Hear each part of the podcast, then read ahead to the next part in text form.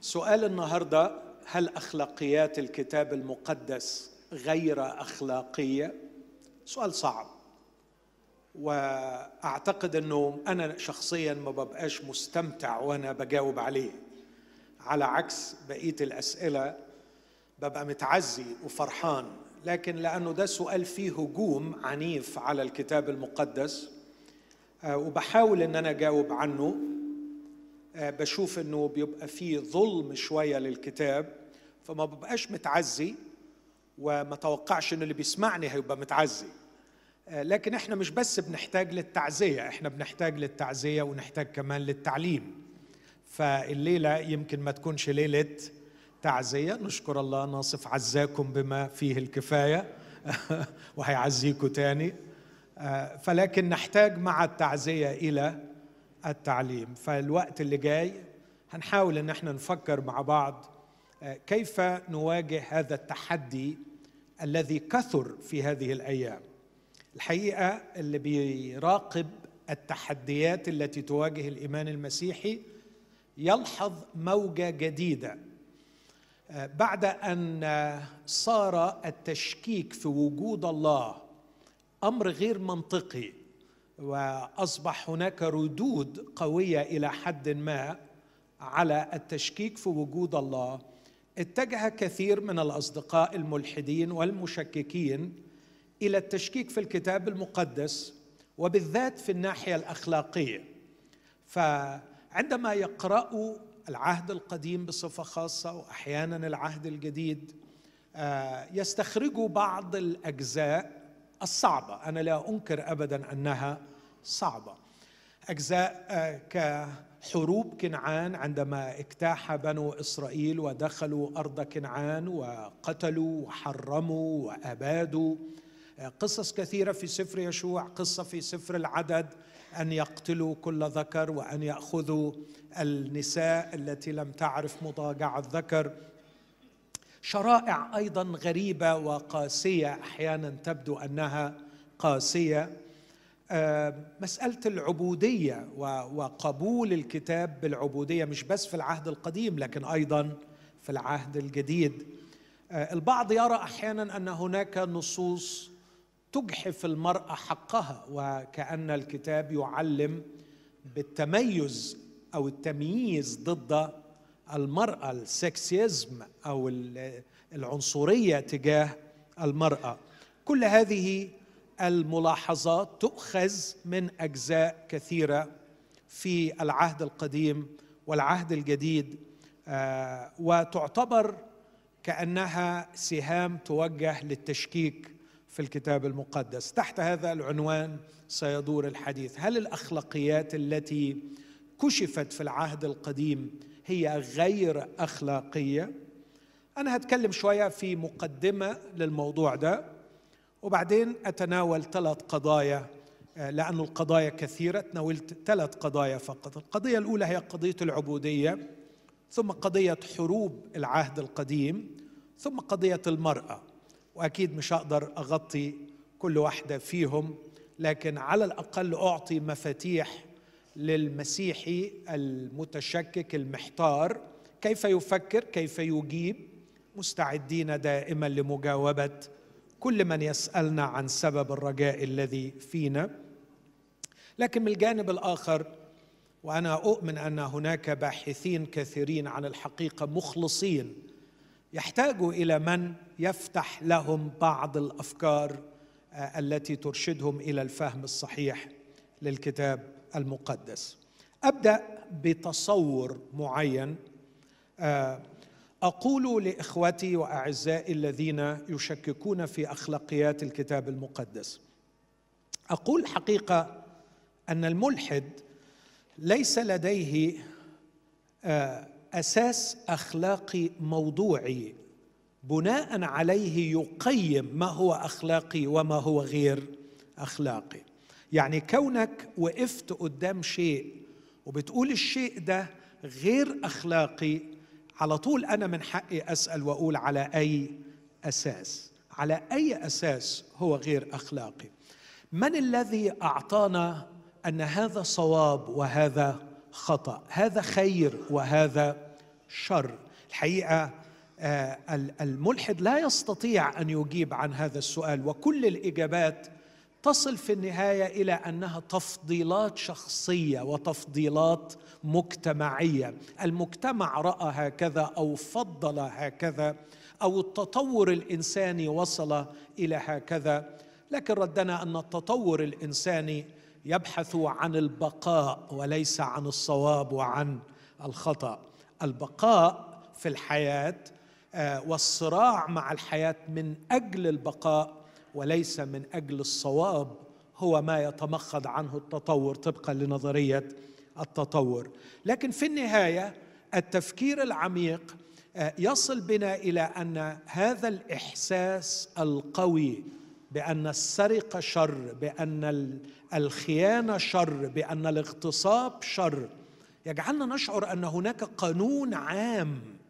من البداية كتب في قلوب البشر يعرف الناس أن هذا خير وهذا شر. يقول عنه الرسول بولس في رومية 2 لأن الناس الذين الأمم الذين ليس لديهم الناموس متى فعلوا بالطبيعة ما هو في الناموس. فهؤلاء إذ ليس لهم الناموس هم ناموس لأنفسهم الذين يظهرون عمل الناموس مكتوبا في قلوبهم. آه إذا وصلنا أن هناك قانون عام مكتوب في قلوب البشر حتما سنفكر في كائن أخلاقي خلق البشر وهو الذي وضع وكتب في قلوبهم هذا القانون.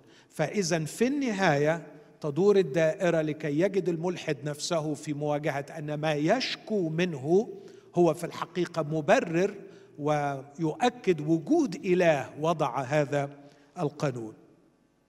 لكن من جهة الكتاب المقدس الشخص بيتجه إلى الكتاب ويقول أن هذه المقاطع تصف تصرفات لا أخلاقية.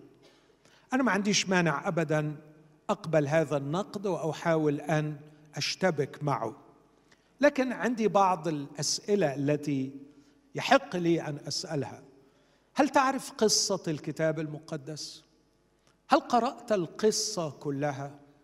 إن الكتاب المقدس ليس كتاب آه، أصحاحات أو أصفار منفصلة متفككة لكنه يحكي قصة واحدة. وهذا واحد من أدلة اعجازه أنه كتبه حوالي أربعون كاتب على مدار 1600 سنة تقريبا في أماكن مختلفة من شخصيات مختلفة لكنه في النهاية يحكي قصة واحدة. بدايتها في تكوين واحد واثنين نهايتها في رؤيا واحد وعشرين واثنين وعشرين.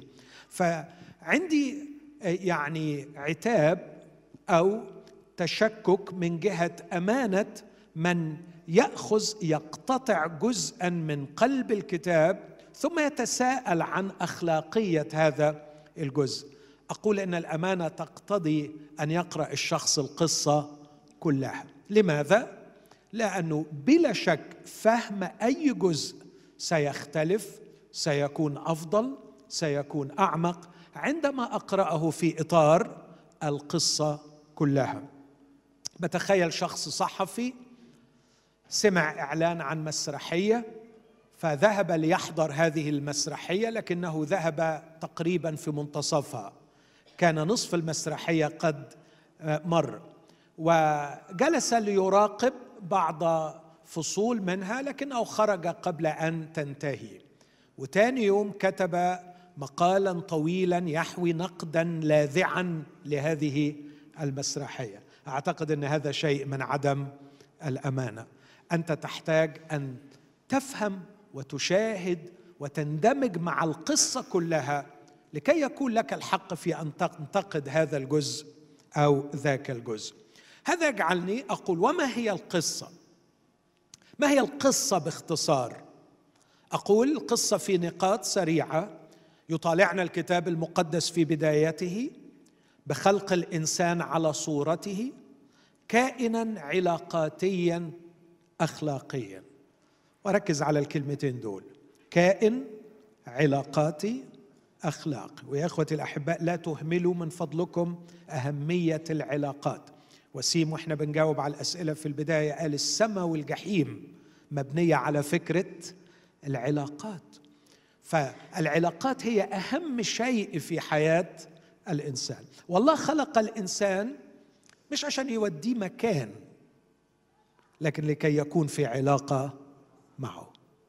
السماء الحقيقية هي أن تكون في علاقة مع الله وأن تدخل بعمق في هذه العلاقة. خلقه ليكون كاهنا يقف أمام الله وملكا يسود على الأرض وأخضع كل شيء تحت قدميه. يحمل حضور الله ويمثله فيها ويسود عليها. ولأنه كائن أخلاقي كتب الله في طبيعة الإنسان ناموسا اخلاقيا. على أنه قصد قصدا غريبا. أن الإنسان لا يستطيع أن يفعل هذا القانون ويسلك بموجبه سلوكا كاملا بدون الشركة مع الله. فهو كائن أخلاقي لكنه لا يستطيع أن يعرف ما هو الشر وما هو الخير. لقد أراد الله أن يحمي الإنسان من ثقل هذه المسؤولية. لاحظوا ما قلت مش معرفة الخير والشر لكن يعرف. To define not to know. أن يعرف الخير والشر هذه سلطة إلهية لا نملكها. وعشان كده إبليس كان فاهم كده كويس وقال لهم يوم تاكلان منه تكونان كالله. هتبقى زي الله. أكيد آدم كان عنده معرفة بالخير والشر وإلا ما يدنش على إنه أكل لأنه لو ما بيعرفش يعني إيه خير وشر يبقى لما يروح يعصى لأنه ما يعرفش إيه هو الخير وإيه هو الشر. كان يعرف لكن كان ليس من حقه أن يختلس لنفسه سلطان تحديد ما هو الخير وما هو الشر. لكن تحديد ما هو الخير والشر هذا الأمر لا يقوى عليه إلا الكائن المطلق. لكنه فتح قلبه وفتح حضنه ليكون الإنسان في شركة دائمة معه. ولكي ما يسترشد بفكر الله من خلال الشركة معه. وعلشان كده الكتاب يقول تعبير أيضا بلاغي بديع إنه لما أكل انفتحت أعينهما هل كانت عينين آدم وحواء مغلقة؟ قبل الأكل من الشجرة. هل الله كان خالقهم عميان؟ حاشا. لأن المرأة رأت أن الشجرة جيدة وشهية. إذا ماذا يعني بأنه قد انفتحت أعينهما؟ بالتعبير البسيط بقى عندهم القدرة أنهم يشوفوا لنفسهم. بدل ما كان الله هو اللي بيشوف لهم. يمكن الحالة الأولى اللي كان الله عايزهم عليها هي اللي وصفها في مزمور 32 بعدما عاد من الخطية وقال قلت أعترف للرب بذنبي وأنت رفعت أثام خطيتي. بعد أن تاب وعاد يسمع كلمة جميلة أعلمك. أرشدك الطريق التي تسلكها. أنصحك بعيني بعيني التي هي عليك. وكأنه ماشي مع الرب يقول له أنت أبويا. انت حبيبي انت كبيري انت الأعظم والأعمق والأكبر والأقدر انت تشوف لي وأنا أمشي معاك. أنا أصغر من إني أشوف لنفسي. أنا كائن عاقل حر قوي لدي مواهب ولدي إمكانيات لكني أصغر من أن أواجه قرارات الحياة بمفردي. كثيرا ما سأختار الأشياء على أنها خير وأكتشف أنها شر. وكثيرا ما سأعتبر امورا تصادفني أنها شر وأكتشف في النهاية أنها خير.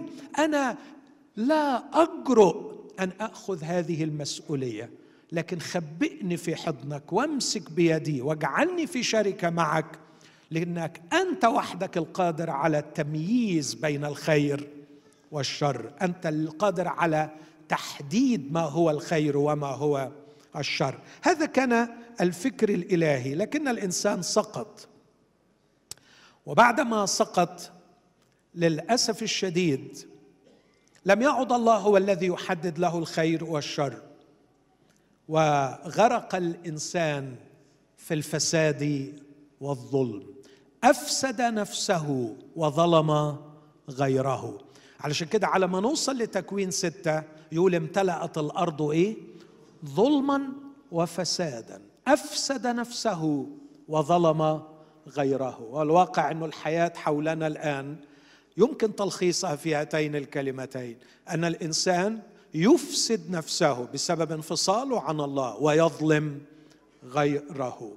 كانت النتيجة أن الله كان لابد أن يتدخل ويعمل حاجة ممكن نفهمها إحنا دلوقتي بلغة الانترنت أو بلغة ال computers. reset لما الجهاز بيعطل معاك ويبقى مش شغال بتعمل إيه؟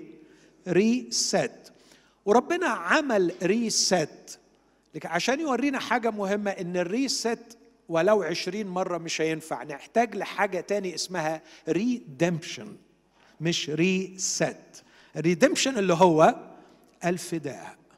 مشروع أعظم وأعمق جدا من مجرد reset في الطوفان الله عمل reset هنبدأ الحكاية من أول وجديد.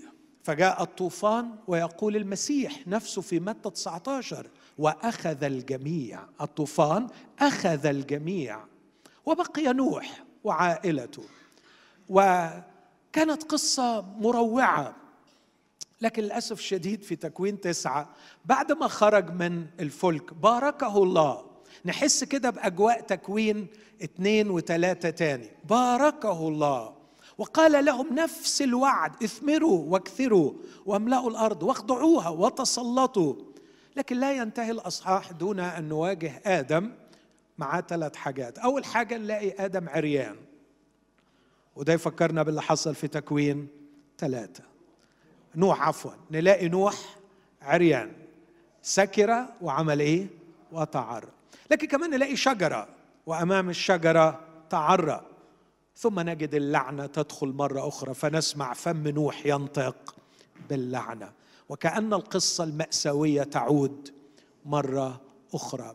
ويبدأ انتشار الفساد والشر والتمرد والابتعاد عن الله. وهنا يتدخل الله بمشروع الفداء. لكن مشروع الفداء اللي تدخل به بدأ باختيار إنسان منه سيأتي النسل الذي ستتبارك في جميع قبائل الأرض. فنوصل لتكوين 11 وتظهر شخصية إبراهيم وفي تكوين 12 يقطع الله عهد مع إبراهيم ويبدأ العهد الإلهي عهد يقطعه الله على نفسه بأنه سيفدي الإنسان. وسيوجد من الإنسان نسخة جديدة جميلة مكتوب في قلبها الشريعة الأخلاقية. وهذه النسخة الجديدة لن يحتاجوا أن يعلمهم أحد ويشجعهم قائلا اعرف الرب لكن يقول لأنهم سيعرفونني من الكبير إلى الصغير. ولن يحتاجوا أن تكتب لهم الشرائع على الحجارة والكتب والألواح. لكنه يقول سأكتب شريعتي في قلوبهم وأجعلها في أذهانهم. هذا هو العهد. لقد بدأ الرب رحلة العهد لافتداء الإنسان. وبدأنا نرى فكر الله يكشف رويدا رويدا من جهة هذا الشخص الذي سيقوم بعمل الفداء. من إبراهيم جاء إسماعيل وإسحاق. وإسماعيل جه منه 12 ولد وإسحاق جه منه ولدين. لكن الله ترك إسماعيل وال 12 وترك عيسو من إسحاق وعيسو جه منه 11 أمير. لكن تركهم واختار في النهاية لا إسماعيل ولا إسحاق لكن اختار من أولاد إسحاق يعقوب ومن أولاد يعقوب اختار يهوذا. وكون لنفسه شعب صغير موجود على الأرض تعهد الله بحمايتهم. ليس لأنهم أفضل من بقية الشعوب لكن لسبب واحد أن منهم سيأتي المسيح الفادي. اللي هيعمل مش ال rest لكن هيعمل ال redemption. ليه حكيت الحكاية الطويلة دي؟ عشان أوصل لشعب إسرائيل وأقول ما هو دورهم في التاريخ. دورهم في التاريخ يصفه الرسول بولس ويقول إن الله أعطاهم امتيازات لكي يصل إلى هذا الامتياز ومنهم المسيح بحسب الجسد. وطبعا إذا قلت وده ممكن يتقال إشمعنى؟ طب ما هو لو اختار أي شعب تاني هتقول إشمعنى في النهاية؟ ما دام اديت لنفسك الحق تستجوب الله وتقول له إشمعنى هتقدر تعملها مع أي حد. يبقى اذا من هنا بقى نبدأ نفكر في شعب إسرائيل أنه شعب تمتع بامتيازات خاصة وحماية خاصة ومعاملات خاصة لأن منه سيأتي المسيح. أفكركم بحاجة بسيطة لما كان يعقوب طالع الحقيقة كان طالع عامل عملة سودة. طالع في موقف مخزي. خدع أباه وكذب عليه وسرق أخاه وعمل حيلة بشعة. وزج باسم الله في خدعة رخيصة وكذبه رخيصة وطالع في مشهد مخزي معرض للقتل من أخيه. لكن يظهر له الرب بسلم وملائكة الله نازلة وصاعدة على السلم. والرب معاه وبيقول له ها أنا معك وأحفظك حيثما تذهب. مش ده برضو موقف غريب شوية؟ لكني أستطيع أن أفهم هذا الموقف. أن هذا هذه الحماية الخاصة أفهمها في يوحنا واحد.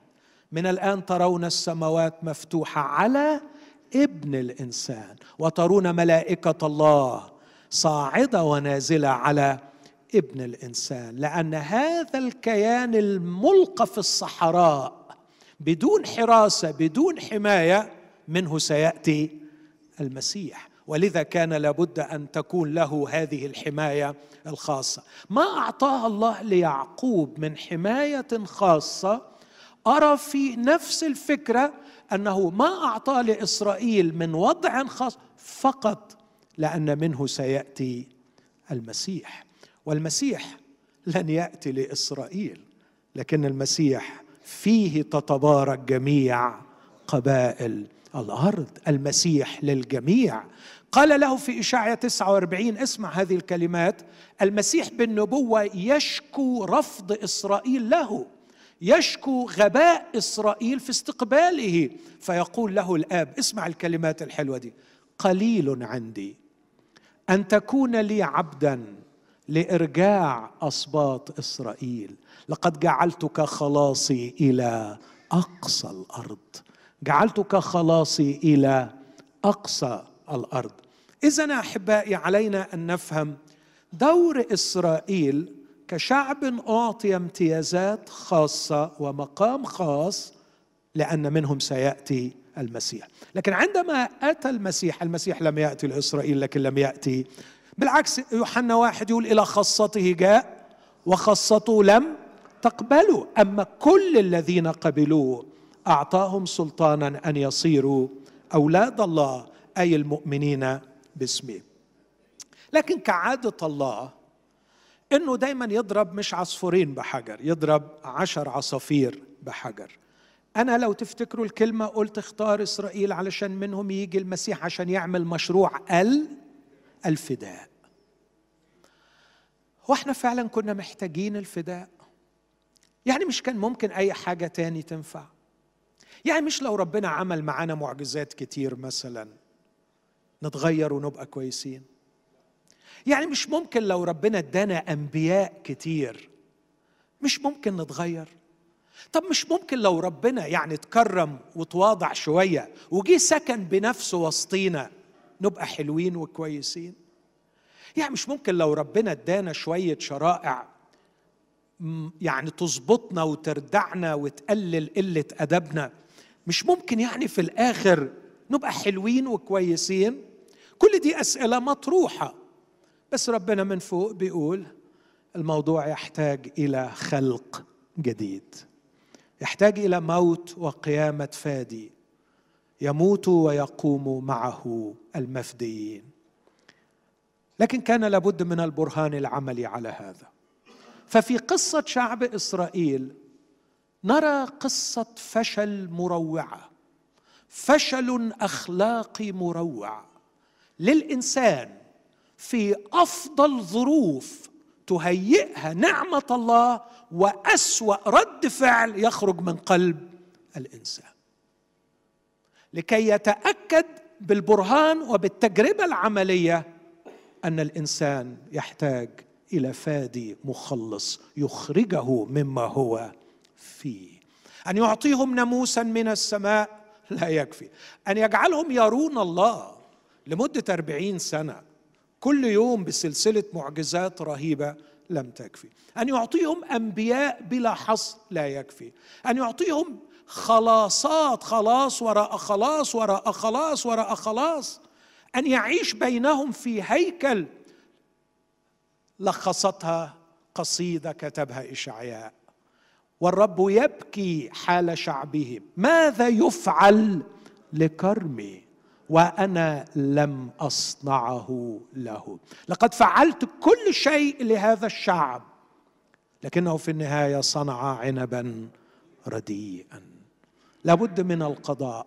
لكي يتأكد بالبرهان أن الإنسان في حالة الخطيه وأن التشوه والفساد الذي أصاب قلب الإنسان كان أعمق جدا من أن يعالج بشريعة أو بأنبياء أو بكهنه أو بقوانين أو بمعجزات أو بخلاصات مادية متعددة كانت الضربة عميقة جدا. ويفتتح إشعياء بهذا القول الرهيب إن الرأس كله سقيم والقلب كله مريض جرح وإحباط. ضربة طرية لم تعصر ولم تعصب ولم تلين بالزيت. وثبت بالبرهان أن الإنسان يحتاج إلى شيء أعمق جدا. اذا قصة شعب إسرائيل مش بس ربنا خدهم على جنب يجيب لنا منهم المخلص لكن لغاية ما يجي منهم المخلص كل اللي نفسه في سؤال يسأله وهيلاقيه متجاوب في تاريخ هذا الشعب. يعني لو كان ربنا عمل كذا لو كان ربنا عمل ما فيش حاجة تخطر على بالك تقول لو كان ربنا عملها إلا وربنا عملها. وفي النهاية صلبوا ربنا لما جالهم. ليتأكد بالبرهان أن الإنسان يحتاج إلى المخلص. أنتقل من هذه القصة كما شرحتها إلى يعني مش أقول عتاب لكن مناشدة مناشدة لأحبائي الذين يقرؤون القصة في بعض أجزائها ثم ينتقدون أخلاقيات الكتاب. فأقول بعض الحاجات بسرعة شديدة. أقول إنهم يجهلون أو يتجاهلون. أن الكتاب يحكي قصة وده ذكرته بس بصيغه باختصار وأن هذه الشرائع الغريبة والعجيبة وهذه الحوادث التي تثير استغرابهم هي جزء من القصة. ولا يمكن أن تدان أو تبرر إلا في ضوء فهم القصة كلها. أعتقد أن هذا أمانة تستلزمها القراءة الجيده الأمر الثاني ركزوا معايا هنركز على الناموس شوية لأن الانتقادات بتكون معطاة أو موجهة إلى الناموس. أقول إنهم يجهلون أو يتجاهلون أن هذه الشرائع لم تعطى من بدء الخليقة لآدم. شرائع الناموس لم تعطى من بدء الخليقة لآدم. ولم تعطى حتى بعد الطوفان لنوح. ولم تعطى حتى بعد العهد لإبراهيم. لم تعطى من البدء كما علم المسيح في متى 19 8 المسيح لما بيقول لهم لا ما ينفعش الطلاق. قالوا له ليه؟ ما موسى قال. قال موسى حاجة والبدء حاجة تاني. من البدء لم يكن هكذا. وكأنه بيقول إنه الموضوع بتاع موسى ده موضوع داخل استثنائي في النص وليس هو الأصل. فهذه النواميس التي تنتقدونها اقرأوها في ضوء القصة وتذكروا أنها لم تعطى من الله من البدء وكأنها هي شريعة الله للإنسان. إنها ليست شريعة الله للإنسان. إنها ليست شريعة كانت مكتوبة عند الله في لوح ما ثم أعطاها وإلا لكان أعطاها لآدم أو أعطاها لنوح أو أعطاها لإبراهيم. لكنها أعطيت لموسى بعد آلاف السنين. من التاريخ الذي سجله الكتاب لغرض محدد. ثلاثة إنهم يجهلون أو يتجاهلون. أن هذه الشرائع لم تعطى لكل البشر. الله يحب كل البشر. ولو كانت هذه الشريعة هي بركة حقيقية لكان يتحتم على الله الصالح أن يعطيها لكل البشر. لكن الله أعطى لشعب ضئيل وصغير بين شعوب الأرض. هو شعب إسرائيل. ولم يكن الله يطالب بقية الشعوب بالعمل بنفس هذه الشريعة. يعني أنا أعتقد إنه ملكي صادق ما كانش ما استبعدش إنه كان بياكل خنزير. ما استبعدش انه انه إنه آه، رعوث المؤابية وهي في بلاد مؤاب كانت لا تطيع شريعة إسرائيل. والكتاب يذكر لنا أيوب وأصحابه وكثيرون أتقياء في كل الأرض. قال بطرس عن واحد آه، بصدد واحد منهم هذا التقرير الجامع المانع. حقا إني أنا أرى أن الله لا يحابي بالوجوه بل في كل أمة الذي يتقيه ويصنع البر هو مقبول عنده. أقول براحة عميقة لم يلزم الله قط بقية الشعوب بأن يلتزموا بشريعة موسى. لو كان هذا امرا يعبر عن قلب الله وحتمي للإنسان هذا ظلم من الله أنه لم يعطيها لبقية الشعوب. اذا علينا أن نتساءل لماذا أعطيت لهذا الشعب فقط؟ هناك غرض محدد للغاية سأشير إليه بعد قليل. لكن أيضا أربعة إنهم يجهلون ويتجاهلون ان هذه الشرائع لم تعطى لإسرائيل لكي تستمر معهم للأبد. إنها لم تكن من البدء ولم تعطى لكي تستمر. لكن الكتاب في العهد القديم نفسه كان يعدهم بأن هناك عهد جديد. وبولس أو كاتب العبرانيين وهو يعلق على هذا بيقول يا جماعة هو ليه يوعدهم وهو بيكتب لهم في ثنايا وفي قلب العهد الأول العهد القديم يقول لهم ده في واحد جديد. لو كان الأول سيبقى ما كانت الحاجة إلى جديد. وبعدين يقول إذ قال آه، جديدا عتق الأول وما عتق وشاخ فهو قريب من الإضمحلال. إذا لم تعطى هذه الشريعة لإسرائيل من البدء ولا لكي تستمر. والفارق بين هذه الشريعة والشريعة الجديدة فارق اللي إحنا أشرنا إليه. الشريعة الأولى شريعة خارجية مكتوبة على حجر لكن الشريعة في العهد الجديد سوف تكتب على قلوبهم. عندما يعودون إلى الله وتعود الشركة مع الله الشريعة هيبقى لها لازمة. الشريعة المكتوبة في القلب. خمسة إنهم يجهلون ويتجاهلون أن هذه الشرائع أعطيت لشعب كان يعيش بين شعوب حوله. كانت لهم شرائع مشابهة. أي كانت تلك ثقافة ذلك العصر التي كونت العقل البشري في تلك الحقبة من الزمن. النهارده بصيت على شريعة حمورابي 282 مادة آخر 16 مادة منهم عن العبودية وليت فيها حاجات مرعبة حاجات قاسية جدا. فكانت هناك كل دولة لها شرائعها. إمتى جات الشرائع دي؟ لاحظوا إنه بعد الطوفان مباشرة أعطى الله فكرة الحكومات. ولما الله يعطي حكومة أو يقيم حاكم وبولس يؤكد على ده في رومية 13 يقول السلطات مرتبة من الله أكيد الحكومة هتعمل شريعة. فده دام في شعب وليه حاكم لازم يكون فيه شريعة. والعجيب لما تقرأ شريعة حمورابي تلاقي فيه تشابه كبير بينها وبين شريعة موسى وفي حاجات تانية مختلف. طالما الله أراد أن يكون له شعب في مكان ما لابد أن تكون له شريعة. السؤال بقى اللي هنا أسأله مسبقا شوية يا ترى الشعب ده كلهم مولودين من الله؟ هل الشعب ده مولود من الله؟ كلا. انهم مولودين ولادة جسدية طبيعية زيهم زي بقية الناس. أعتقد كان من العبث أن تعطى شريعة إلهية لأناس غير مولودين من الله. الشريعة الإلهية تعطى لأناس مولودين من الله لكي تكتب في قلوبهم وفي أذهانهم. طب أمال إيه قصد الناموس اللي أعطي لهم كان أشعة تشخيصية؟ كان the minimal the minimal not the maximum. أنا عايز أبين فساد القلب البشري في حالة الخطية الذي يستدعي بشدة مجيء المخلص. You cannot save yourself. وكون ادي لك شريعة الشريعة مش هتخلصك. أديني هديك الشريعة. وريني هتعمل فيك إيه. ما تستهتروش بالفكرة دي يا أحبائي. خدوها بعمق لأنها تحل لكم لغز كتير. تعرفوا إن حوالينا ملايين رجاء خلاصهم الوحيد هو في طاعة الشريعة. يا جماعة ربنا عمل تجربة. قعدت 1500 سنة.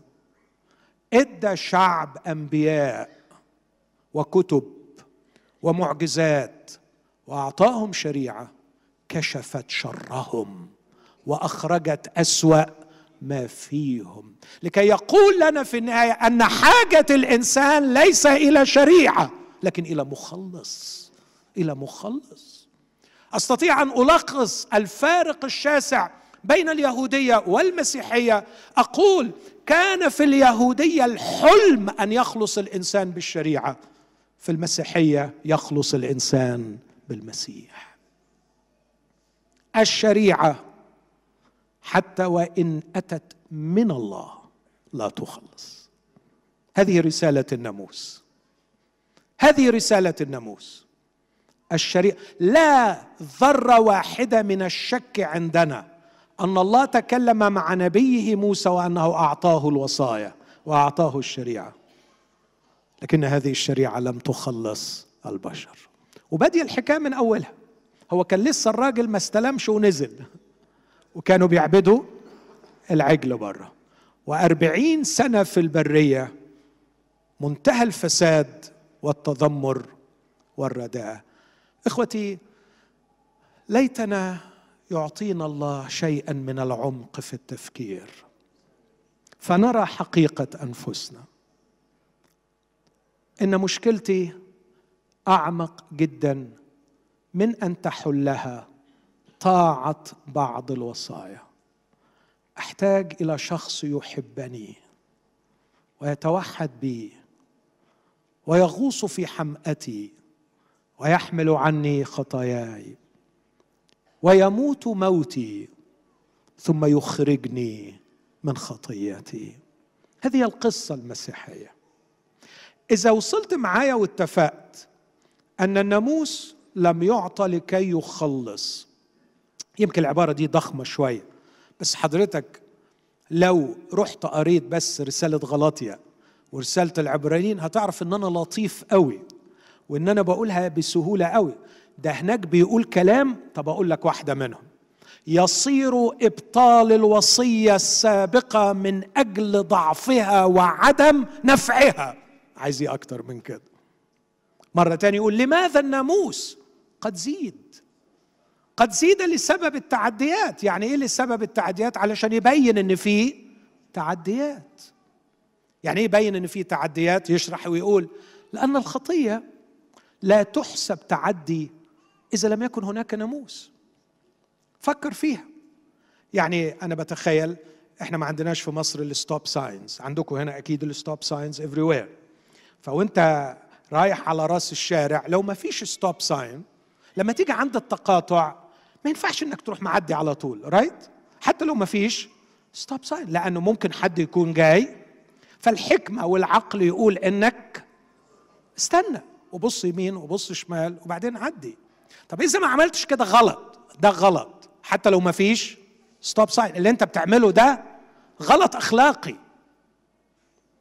بس لما يبقى في stop sign أنت بتعمل حاجتين. أنت بتعمل غلط وبترتكب مخالفة. الناموس شغلته يخليك ترتكب مخالفة. عشان يقول لك اللي أنت عملته غلط. لا لا لا ما أنا هعرف لوحدي. لا ما بتعرفش لوحدك. أنا هعرفك. فزيد الناموس لكي يظهر فساد قلب الإنسان. لا كمان لكي يظهر عجزه. اسمع العبارة دي في رومية 8 من فضلك. عبارة قوية وعظيمة. إذا لا شيء من الدينونة الآن على الذين هم في المسيح يسوع. السالكين ليس حسب الجسد بل حسب الروح. لأنه اسمع لأن ناموس روح الحياة في المسيح يسوع أعتقني من ناموس الخطية والموت لأنه ما كان الناموس عاجزا عنه فيما كان ضعيفا بالجسد. فالله إذ أرسل ابنه في شبه جسد الخطية ولأجل الخطية دان الخطية في الجسد لكي يتم حكم الناموس فينا أي مطالب الناموس. إن الناموس عجز عن أن يجعلني كائن أخلاقي.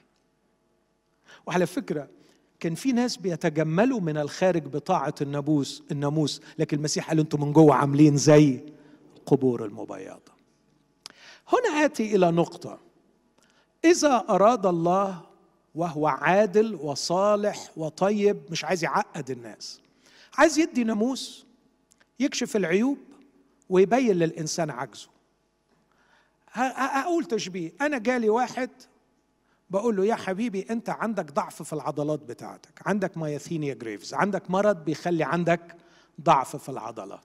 يقول لي لا لا أنا أنا قبضايا أنا جامد قوي أنا ما عنديش ضعف في العضلات. فأنا عايز أبين له إن عنده ضعف. أجيب له 100 كيلو أشيلهم له. تالي بفترة مش كده؟ يبقى أنا مش مش عايز أنا أبين له إن عنده ضعف. ده أنا عايز أعجزه.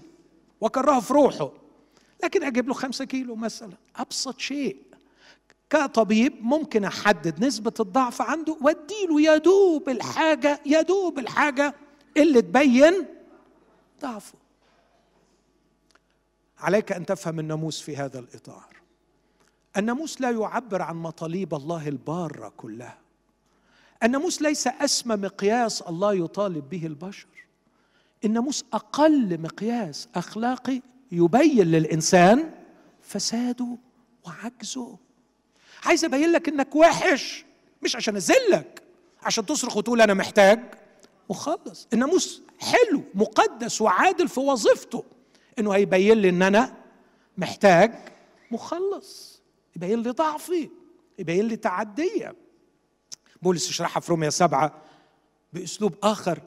يقول أنه قبلما جاءت الوصية اللي هي الناموس كنت أنا عائشا قبلا وكانت الخطية ميتة. لكن لما جاءت الوصية عاشت الخطية فمت أنا. لأنه قبل أن تأتي الوصية لا تشتهي. كنت لا أشتهي. لكن عندما قال لي الناموس لا تشتهي أنشأت في كل شهوة. فهل صار لي الصالح موتا؟ كلا الناموس مقدس وعادل وصالح لكن المصيبة موجودة في أنا. تخيل الممنوع مرغوب. يعني ما كنتش بشتهي. لما قال لي ما تشتهيش رحت. تخيل شوف الناموس بيكشفني إزاي. يا ده أنا جوايا مصيبة كبيرة فعلا أن وصية الله تستثير الشر في داخلي تستثير الخبث في داخلي فأحاول أن آخذ ما لا يحل لي. كان الناموس مقدسا وعادلا وصالحا لأن الوظيفة بتاعته في غاية الأهمية أن تكشف لي فسادي وتكشف لي عجزي. لكن هل كانت تحوي كل ما يريد الله؟ كلا. وعندما أعطاها الله لليهود ما قدرش يقول له تحب عدوك. ما قدرش يقول له ما تطلقش مراتك. قال له بس خلي عندك شوية دم لما تطلقها اديها كتاب طلاق علشان بعد كده حد تاني ممكن يعني يشفق عليها وما يقولش عليها إن دي زانية. لأنه أكيد ده هيحصل وهيقولوا عليها كلام. فسألوا يسوع قالوا لا موسى أوصى. قال لهم من أجل قساوة قلوبكم. طب وأنت؟ لا أنا جاي أغير القلوب. مش جاي أطبطب على القلوب القاسية وأمشي على هواها ولا جاي أبين لها قساوتها. لأني جئت لا لانقض بل لأكمل. الناموس عمل شغله وأكمل على أفضل وجه شغله وبين أن الإنسان عاجز وفاشل. خلاص جيت أنا بقى كان الناموس مؤدبنا إلى المسيح. جاي حافظنا بيقول لنا وبيسمعنا الدرس مئة مرة أنت فاسد أنت خاطي أنت عاجز أنت مش قادر. وبعدين أشرق النور وجاء يسوع. أبشركم بفرح عظيم. مش جاية لكم شريعة. خلاص خلصت. ما نفعتش الشريعة لكن أبشركم بفرح عظيم ولد لكم مخلص. أشرقت المسيحية ليس بشريعة لكن بمخلص. والحقيقة كنت محتاج لمخلص. هللويا ما أحلى يسوع. ما أحلاه مخلص. ما أحلاه مخلص. ما أحلى لمسات يديه. ما أحلى نظرات عينيه. ما أحلى قدميه وهي تقولان يصنع خيرا ويشفي جميع المتسلط عليهم إبليس. ما أحلى وهو يحتضن الأطفال. ما أحلى وهو يقبل العشارين والخطاة ويأكل معهم. ما أحلى وهو يقبل الزنات. ما أحلى وهو يذهب إلى السامرية لكي يقول لها أنا هو. أنا هو. والسامرية تشهد عنه فيأتي كل أهل السامرة تعرفوا يقولوا لها إيه؟ بصوا الكلمة مش هذا هو معطي الشريعة. لكن نحن قد ليس فقط بسبب كلامك لكن نحن رأينا وسمعنا وآمنا أن هذا هو مخلص العالم. ده مخلص العالم. لقد أشرك الجمال من وجهه ليس بقانون أو بشريعة لكن أشرق الجمال من وجهه باعتباره مخلص الإنسان من مأساته التي هي مأساة الخطية. ولم يزل إلى اليوم يسوع ما عندوش غير شغلانة واحدة يخلص. والحقيقة على مر العصور وفي كل البقاع الجغرافية وفي كل الثقافات كل الذين قبلوه أعطاهم سلطانا أن يصيروا أولاد الله. وأنتم إذ كنتم أمواتا بالذنوب والخطايا. الله الذي هو غني في الرحمة من أجل محبته الكثيرة التي أحبنا بها. ونحن أموات بالخطية بالخطايا. أحيانا مع المسيح. بص اللي بعديها. بالنعمة أنتم مخلصون مخلصون. هذا هو غرض الناموس. علشان كده أنا لا أتعجب إنه يجعل بني إسرائيل يتصرفون كبقية الشعوب. أن يكون لديهم عبيد لأنهم من نسيج تلك الثقافة ولم يأتي وقت الفداء. إنهم يتصرفون زيهم زي بقية الناس. أيوه لأنهم هم فعلا زي بقية الناس. خطاة وهم خطاة طب بس دول عندهم الناموس مش عشان يخلصهم لكن الناموس علشان يبين لهم خيبتهم. عشان كده الله ما اعترضش على إنه تكون الشريعة التي بين أيديهم والتي أعتقد انه هيأ موسى عبده بكل حكمة المصريين وبعقلية مشرعة جبارة أن يعطيه أن يطلع على شرائع الآخرين وعلى شريعة أرض مصر وأن يكون شريكا مع الله في كتابة هذه الشريعة التي تعطي لهذا الشعب هويته فيكون في أرضهم كدولة كشعب كبلد لها هويتها شرائع عادية. أكيد متميزة لأن الله صادق عليه. فيها تميز لكن الله هو بيصادق عليها. كان حاطط في ذهنه الغرض منها وكان حاطط في ذهنه إن الطينة اللي هيتعامل معاها لا تختلف عن بقية الشعوب. وكان حاطط في ذهنه إن دي مش هدية بيديها لكل الأرض لكن دي معطاة مؤقتا لتحقيق غرض محدد. هذه هي القصة وهذا هو الغرض وهذا هو الإطار الذي فيه نفهم ما حدث في آه، العهد القديم وما حدث بالذات مع شعب إسرائيل. لكن أضيف أيضا وأقول إنهم يجهلون أو يتجاهلون أن هذه الشرائع وعلى الرغم من غرابة بعضها كانت أرقى وأرحم من شرائع كثير من شرائع كثير من الشعوب حولهم. يعني الصبح وأنا بقرأ في حمورابي النهارده بيقول لو واحد بنى بنى بيت لواحد والبيت وقع وموت ابن صاحب البيت يروحوا يقتلوا ابن البنا.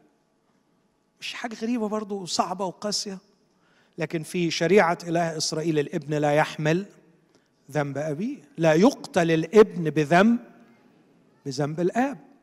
آه وهكذا يعوزني الوقت أن أذكر أمثلة كثيرة. آه، مشكلة مع الطبيب. الطبيب لو جبر واحد بطريقة غلط أذته ممكن يقطعوا له إيده. فقطع اليد أيضا جاية من شريعة حمورابي بس كانت قاسية في في في وقتها. إنهم يجهلون أو يتجاهلون أن إله العهد القديم نفسه الذي جاء بنفسه إلى العالم في شخص يسوع المسيح.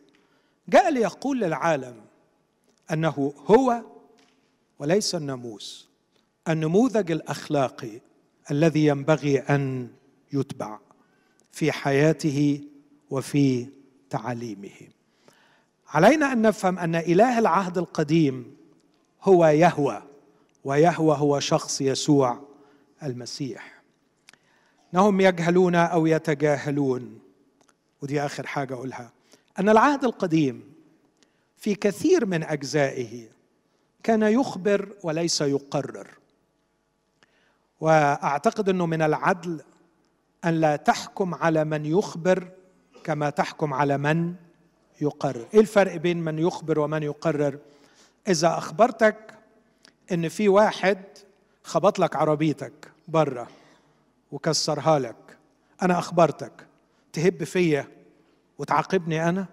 أنا أخبرت. مش أنا اللي قررت إنه هو يخبط العربية. هتلاقوا كتير من الحوادث من داوود رجل الله من إبراهيم من إليشع من إيليا من أشخاص كثيرين عملوا حاجات والكتاب سجلها. البعض يقراها ويقول لك أهو كأن ربنا هو اللي قال له يعملها. كن مميزا وأنت تقرأ. ليس كل ما أخبرنا به الكتاب قرره. لكن في كثير من الأحيان كان مجرد يخبر وليس يقرر. الوقت مر في المقدمة. لكن أنا هحاول أكون سريع جدا في الدقائق اللي جاية وأطبق المبادئ دي على بعض الحاجات. العبودية. في قانون قانون ولاية ساوث كارولاينا في أمريكا سنة 1740 بيقول الآتي القانون ده إذا وجد عبد في مكان ما أنا هتكلم شوية عن العبودية في الكتاب المقدس. في مكان ما غير المنزل أو المزرعة التي ينبغي أن يوجد فيها فعلى أي رجل أبيض أن يستجوبه. وإذا لم يخضع للاستجواب للرجل استجواب الرجل الأبيض. أو قاومه فلا يعتبر قتله جريمة. ده قانون ولاية ساوث كارولاينا قانون كل الجنوب الأمريكي لغاية قبل الحرب الأهلية يقول من يحتفظ بعبد ليس له هارب من سيده يسجن ستة شهور ويغرم بغرامة ألف دولار. ولكم أن تتخيلوا ألف دولار من من أكثر من 200 سنة كان قيمتها قد إيه. قارن هذا بس أقرأ لك حاجتين. تثنية 23 الكتاب يتكلم عن حالات مثل هذه الحالات. حالة الهروب بس هروب العبد. تثنية 23 عدد 15 و16 يقول الكتاب عبدا أبق إليك أبق يعني هرب. أبق إليك من مولاه لا تسلم إلى مولاه. عندك يقيم في وسطك في المكان الذي يختاره في أحد أبوابك حيث يطيب له. باشا. يعني يعني يعني الحتة اللي يختارها تقعدوا فيها. بعدين يقول لا تظلمه. لا ت... ده الناموس. ده الناموس. ده الناموس اللي مش معطى لكي يرتقي بالإنسان زي فيليمون. فيليمون لما يقول له لما يرجع لك وهو سرقك تاخده في حضنك وتمارس معاه الوصية اللي اتكررت سبع مرات قبلوا بعضكم بعضا بقبلة مقدسة. تبوس أخوك. أخوك مين؟ أنسيموس. آه بس حضرتك ده كان ده أخوك وتبوسه ولا تحسبه نص فيما بعد كعبد بل أخا محبوبا. اقبله نظيري. لا لسه ما وصلناش للمستوى ده. ده ما يجيش غير بأحشاء المسيح. ده ما يجيش غير بالفداء والخلاص. لكن لغاية ما يحصل الفداء والخلاص هذه هي هذه هي الشريعة التي تؤخذ عليها مآخذ وأنا أقر أنها لم تقدم اسمى مستوى لأنها لم تعطى لكي تخلص الإنسان اخلاقيا أعطيت لكي تكشف فساده وعجزه. لكن مع هذا بس اقرأ النص ده. وأعتقد إنه عدم إنصاف إنك تاخد نص وتسيب التاني. اسمحوا لي أقرأه مرة تاني؟ علشان يفضل في أذهانكم. عبد ابق عبدا أبق إليك من مولاه لا تسلم إلى مولاه عندك يقيم في وسطك في المكان الذي يختاره في أحد أبوابك حيث يطيب له. لا تظلمه كلمة عبد في العبري غريبة قوي بقى ودي يعني محتاجة مراجعة مننا. هقول لك ملاحظة. في ترجمة كينج جيمس ترجمة كينج جيمس الإنجليزية معمولة 1600 وحاجة. في كل الكتاب كلمة عبد جت مرتين. في New King James اللي اتعملت في بداية القرن العشرين 46 مرة. في NIV 130 مرة. في NRSV 66 مرة. كل ما بيتقدم العصر بيطنبوا ويبالغوا في استعمال كلمة عبد. لا أعرف لماذا لكن هذا خطأ فادح. خطأ فادح لأنه كان عليهم أن يضعوا ما نسميه في اللغة.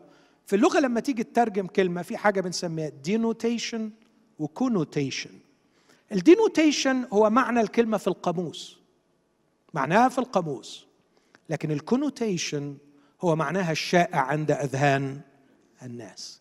كلمة عبد اليوم معناها الشائع في أذهان الناس معنى سيء للغاية. مظبوط؟ معنى غير صحيح. فكان عليهم أن يراعوا هذا.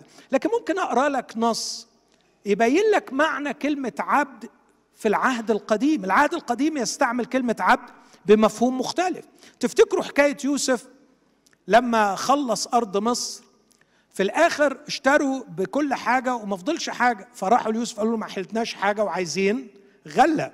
فيوسف عرض عليهم اشتريهم فلما اشتراهم في تكوين 47 قال لهم يكون عند الغلة أنكم تعطون خمسا لفرعون والأربعة أجزاء تكون لكم بذارا للحقل وطعاما لكم ولمن في بيوتكم. نوع ما هيبقوا عبيد لفرعون هو اشتراهم. بس فكر فيها. هم هياخدوا الأرض ويزرعوها. بيزرعوها لحسابهم ولا لحساب فرعون؟ لا لحسابهم وعشان كده هيعطوا لفرعون الإيه؟ الخمس. لو بيزرعوها لحساب فرعون يبقى يدوا له الكل وهو اللي يديهم. لكن واضح إن مفهوم العبودية مختلف تماما عن المفهوم اللي للأسف يعني الشعوب الغربية عملته لنا في الثلاث قرون اللي, فاتوا. الكارثة والفضيحة الكبيرة اللي حصلت في أمريكا وحصلت في أوروبا والعبودية الغبية اللي ذكرت بعض قوانينها لا علاقة لها بالكتاب المقدس. لا علاقة لها بالكتاب المقدس. اسمع اللي بعديها. تعرف ردوا على يوسف وقالوا له إيه؟ فقالوا أحييتنا. ليتنا نجد نعمة في عيني سيدي فنكون عبيدا لفرعون. إيه رأيك في العبارة دي؟ ليتنا نجد نعمة في عيني سيدي فنكون. لو العبودية بالمنظر البشع اللي إحنا فاهمينه ينفع الكلام ده؟ لكن كلمة اتقالت عن إنه إنه كل شعب مصر عبيد فرعون. اتقالت عن موسى إنه عبد للرب. بولس استخدمها وقال عن نفسه إن أنا عبد ليسوع المسيح. استعمال الكتاب المقدس يا أصدقائي الذين تبحثون بحثا سطحيا في اللغة الإنجليزية في الترجمات المعاصرة. عن كلمة عبد وتقول أن الكتاب يمجد العبودية. أرجوكم شيء من الأمانة والعمق في فهم نوع العبودية التي يتكلم عنها الكتاب المقدس. العبودية ترجمتها طبقا للكلمة العبرية ايفاد أو ايباد هي كالآتي. كلمة تعني شخص معتمد على من هو في علاقة معه. شخص معتمد على من هو في علاقة معه. عايز بس أعمل مقارنة سريعة ما بين العبودية أيام العهد الجديد اللي بولس كتب فيه والعبودية بتاعه شعب إسرائيل وأيام العهد القديم والعبودية في أمريكا في قبل تحرير العبيد وفي أوروبا للأسف. اقارن بين ثمان حاجات بسرعة وده دراسة عملها بيتر ويليامز أنصح بالاستماع والقراءة لهذا الراجل من عطية من الله للكنيسة في هذا القرن رغم إنه مش متقدم قوي في الأيام لكن عبقري في دراسته للغات الأصلية والدفاع عن الكتاب المقدس. في الأجازات كان العبد في في إسرائيل عنده أجازة يوم أنتوا يا إما نمتوا يا إما الموضوع تقل عليكم. يوم السبت فعنده أجازة. الرومان ما فيش أجازات خالص. في العصر الحديث كانوا الأحباء اللي بيستعبدوهم بيروحوا الكنيسة يوم الأحد وبيدوم أجازة يوم الأحد. وده شيء كان مخزي الحقيقة في تاريخ المسيحية إنهم كانوا عايشين المسيحية تمام في الكنائس بس يرجعوا يمارسوا كل القوانين على العبيد. وده يورينا حاجة نستفيد منها عمليا.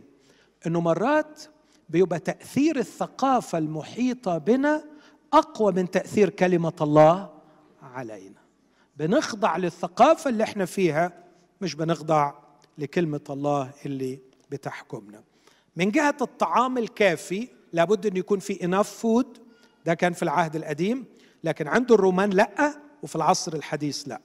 التعويضات القانونية لو حصلت له أي مشكلة قانونية. العهد القديم مليان بقوانين وشرائع لتعويض العبد فالعبد له حقوق قانونية. عند الرومان وعند الأمريكان في العصر الحديث ما كانش ليه أي حقوق قانونية.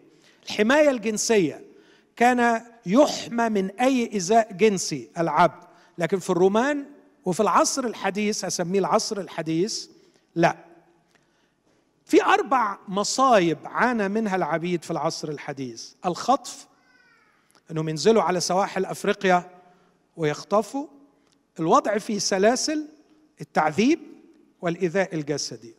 هذه الأشياء الأربعة كانت محرمة تماما في العهد القديم وأتحدى أن حد يجيب أي نص يقول إن العبيد كان آه، يعانون واحدة من هذه الأربعة. الخطف السلاسل التعذيب الإيذاء الجسدي. لكن لما تدرس تاريخ الروماني الأربع حاجات كانوا بيحصلوا لما تدرس العصر الحديث الأربع حاجات كانوا بيحصلوا. حروب العهد القديم موضوع يعني يطول فيه الحديث لكن مش هتكلم فيه. آه، عندي آه، أعتقد كذا فيديو على اليوتيوب عن حروب العهد القديم ممكن تبقى تشاهدهم. لكن أختم بكلمتين عن المرأة لأنه كثير من الكلام بنسمعه إن الكتاب المقدس متحيز ضد المرأة. أنا هقرأ مجرد باراجراف واحد وهختم. الكتاب المقدس أكد بعبارات واضحة لا تحتمل اللبس أن المرأة مخلوقة على صورة الله تماما كالرجل. قال الله نعمل الإنسان على صورتنا كشبهنا فعمل الله الإنسان على صورة الله خلقه ذكرا وأنثى خلقهما. كانت دراستي في رسالة الماجستير عن ال human dignity الكرامة الإنسانية. وكنت ببحث عن الدساتير بتاعت الدول اللي كانت بتتكلم عن حقوق الإنسان مبنية على الكرامة الإنسانية. لقيت 148 دستور من دساتير العالم تقول إن إحنا بنؤمن بحقوق الإنسان لأنها مبنية على الكرامة الإنسانية. وكانت الأطروحة بتاعتي على أي أساس تبنون الكرامة الإنسانية. لقد بنيتم حقوق الإنسان على الكرامة الإنسانية فعلى أي أساس تبنون الكرامة الإنسانية؟ بعيد عن تكوين واحد لا يوجد أي أساس آخر. نعمل الإنسان على صورتنا كشبهنا. إذا كان الإنسان مجرد جرثومة تطورت فما الفارق بينه وبين الحمار؟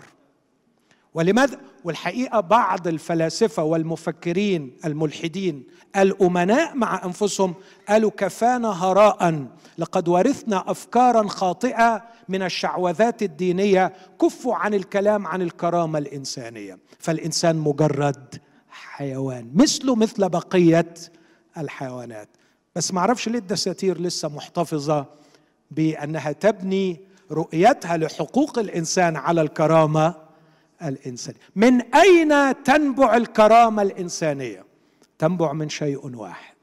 ليست من القوه العضلية ليست من الذكاء ليست من المعتقد ليست من العرق ليست من العائلة. تنبع من شيء واحد إنك وإني مخلوقين على صورة الله. وإن كان الأساس الوحيد الوحيد هو الخلق على صورة الله. خلصت. يبقى الرجل والمرأة متساويان في الكرامة والقيمة الإنسانية. لدينا أساس عظيم نبني عليه كرامة المرأة من أول صفحة في العهد القديم أن المرأة مخلوقة على صورة الله. لكن أيضا أتعجب ربما ده تفكيري الشخصي إنه خلقها من ضلعة من آدم. آه، مع إنه يعني كان يقدر يطلع من تراب الأرض مش هو خلق آدم من التراب كان يقدر كمان يخلق من التراب. هناك يعني نظريات كثيره تحاول تفسر ليه آه ليه عملها منه. اعتقادي البسيط مش بجزم بيه إنه في الباقي كله هيكون الرجل آتي من المرأة. ما فيش راجل ما جاش من امرأة. فكل رجل ينظر إلى المرأة بإعزاز وتقدير ويقول لها أنت مصدري. بس عشان ما يكونش فيه تعالي كمان من المرأة تقول له أنا اللي جبتك. يرجع للأصل برضه ويقول وهي كمان جات منه علشان يكون المبدأ في النهاية المرأة من الرجل والرجل من المرأة. كلاهما متساويان وأحدهم مصدر للآخر. لكن أذكر أيضا حضراتكم تعرفوا تعبير ملاك الرب؟ ملاك الرب. وأي دارس يعرف إن ملاك الرب في العهد القديم هو؟ هو الرب نفسه هو الذي ظهر لإبراهيم وقال له بذاتي أقسمت. أول ظهور في الكتاب المقدس لملاك الرب كان لامرأة. وما كانش لامرأة يعني من عالية المقام كان لهاجر. أول ظهور لملاك الرب كان لهاجر. وهناك تعلمت درس جبار عن الله إحنا بنتعزى بيه. سمت البير بئر لحي رؤي. The, God, the God who reveals himself. الحي الذي يكشف نفسه. المرأة أول اختلاف زوجي في الكتاب المقدس وقف الله في صف المرأة وقال لإبراهيم اسمع لقول سارة امرأتك. بس دي ما تاخدوهاش قاعدة يا أخوات إنه دايما ربنا هيقف في صفكم. المرأة والمخلص. دائما هناك ارتباط بين المخلص والمرأة وأول ارتباط عظيم لا يمكن أن ننساه نسل المرأة. يسحق ده في أول صفحة. يسحق رأس الحية. وبعد أربعة آلاف سنة نكتشف العذراء المطوابة مريم امرأة وأي امرأة ويأتي منها أروع مخلص. لكننا لا ننسى أبدا موسى المخلص العظيم الذي أتى من امرأة. والكتاب لا يحكي لنا شيئا عن عمرام لكن يحكي عن إيمان يكابد. لا ننسى حنا وصموئيل. لا ننسى دبور القادية. ورعوث التي صارت جدة للمسيح وأبيجايل التي بحكمتها أنقذت أعظم ملوك إسرائيل داود والمرأة التقوعية التي بحنكة أنهت معركة سياسية والمرأة الشونامية الحكيمة العظيمة التي لم يفهم زوجها أبعاد فكرها وخلدة النبية التي علمت يوشية الملك. لكن ماذا إذا تكلمت عن المسيح والمرأة؟ أقول يا أحبائي لم يجعل المسيح المرأة للأعمال المطبخية ويجعل الخدمة الكنسية للرجال. عندما اعترضت مرثا وكأنها تقول له ارجع المرأة إلى مكانها فمكانها المطبخ قال لها كلا لقد اختارت النصيب الصالح. أن تجلس عند قدمي يسوع هذا هو النصيب الذي لن ينزع منها أرجو أن تفهموا يا أحبائي ثقل هذا التعليم في زمن. كان التلمود اليهودي يقول أن الرجل اليهودي الذي يتجرأ ويعلم ابنته الشريعة فهو كمن يرسل ابنته إلى حقل البغاء كأنه بيخليها بتشتغل بروستيتيوت لأنه عيب وعار إن المرأة تتعلم الشريعة. يسوع كان يستلذ ساعات طويلة بأن تجلس مريم عند قدميه. مريم هي التي عرفت أن يسوع سيموت وهي التي فهمت هذا حينما لم يفهمه التلاميذ. فبطرس ينتهره مريم تجهز الطيب لتكفينه ويقول يسوع لعلهم يفهموا إنها حفظته ليوم تكفي كانت مجهزة عارفة إن أنا هموت في الوقت اللي أنتم مش مصدقين. ومريم هي التي لم تذهب للقبر لأنها كانت تؤمن أنه قد قام. ولهذا أحسن المرنم أعتقد أبونا مكاري لما قال ومريم وحدها قد فازت بالنشان وطيب المريمات فاته الأوان يسوع المسيح قبل قبل أن النسوة يتحركوا معاه في تجواله بصراحة أنا مش قادر أتخيل رجل شرقي في هذا العصر قابل إن في شوية أخوات بيتحركوا معاه من بلد لبلد. بصراحة موقف محرج مش كده؟ لا يسوع ما كانش محرج منه. كان عنده استعداد يتباهى بيهم. ويقول هؤلاء هم أشرف الناس وهؤلاء هم أعظم الناس. وكان يفتخر بأنه يقبل منهم التقدمة كنا يخدمنه من أموالهن. النسوة هن اللواتي ثبتن عند الصليب. وكنا أول شهود للقيامة. أول كنيسة بنيت في أورشليم كانت في بيت مريم وأول كنيسة تأسست في أوروبا كانت في بيت ليديا. أما بولس المظلوم مع المرأة فيعوزني الوقت أن أدافع عنه ويكفي أن أقول شيئا واحدا. في كل سفر الأعمال يكتب لوقا اليوناني لوقا اليوناني الطبيب المثقف المتحضر. أكيلا وبرسكيلا ويضع الرجل اولا لأنه يتكلم عنهم كعائلة. له الحق. لكن بولس في روميا 16 عندما كان يسجل سجل الخدام قال برسكيلا وأكيلا. وقدم برسكيلا عن أكلة لأنه كما نفهم من سفر الأعمال كانت برسكيلا أكثر فهما في كلمة الله وأكثر عمقا في خدمتها. من أكلة أقول لكل قارئ يتهم أخلاقيات الكتاب باللا أخلاقية. سمحناك. سمحناك وغفرنا لك هذا الاتهام. كن أمينا ومنصفا وعد واقرا الكتاب في قرينته. افهم القصة كلها ولا تقرأ جزءا وتترك آخر. وستبقى كلمة الله حية. وفعاله وأمضى من كل سيف ذي حدين. وعلينا أن نهتم بها ونقرأها فهي نافعة للتعليم والتأديب للتقويم والتوبيخ لكي يكون إنسان الله كاملا ومتاهبا لكل عمل صالح. آمين. خلونا نقف نسبح مع ناصف. معرفش النهارده الراجل هيقودنا في إيه. الله يكون في عونه. لكن أكيد عندنا ترانيم تأخذ قلوبنا إلى كاتب الكتاب وصاحب الكتاب ونبع الأخلاق أو إلى المخلص. ها آه المخلص. فرحانين بالمخلص؟ نعم. نعم. إيه رأيك نبدأ نقول له مخلصي ذبحت على الصليب رفع. يس الناموس لم يخلص الشريعة لا تخلص. هو ده الخبر اللي أنا بسببه جاي إلى أستراليا. أن الشريعة لا تخلص لكن المسيح يخلص. يخلص وهو قد خلص وهو مستعد الليلة أن يخلص. خلونا نهتف له ونفرح بمخلصنا. جاء لا يصنع خيرا لكن ما كفهوش. علق على الصليب وذبح من أجلنا.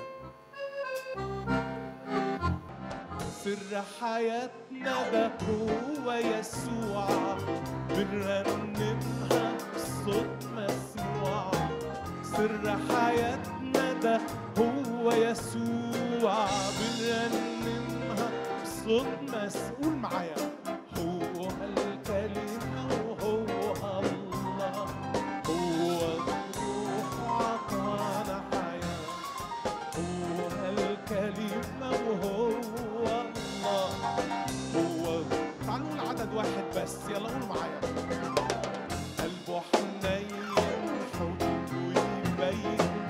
إن صليبه ده كان تكفير عن خطايانا مات وفدانا نعمة غنية وحب كبير.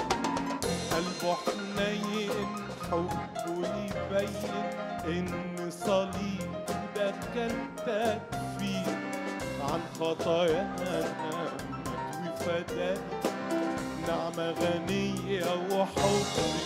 سر حياتنا سر حياتنا ده هو يسوع.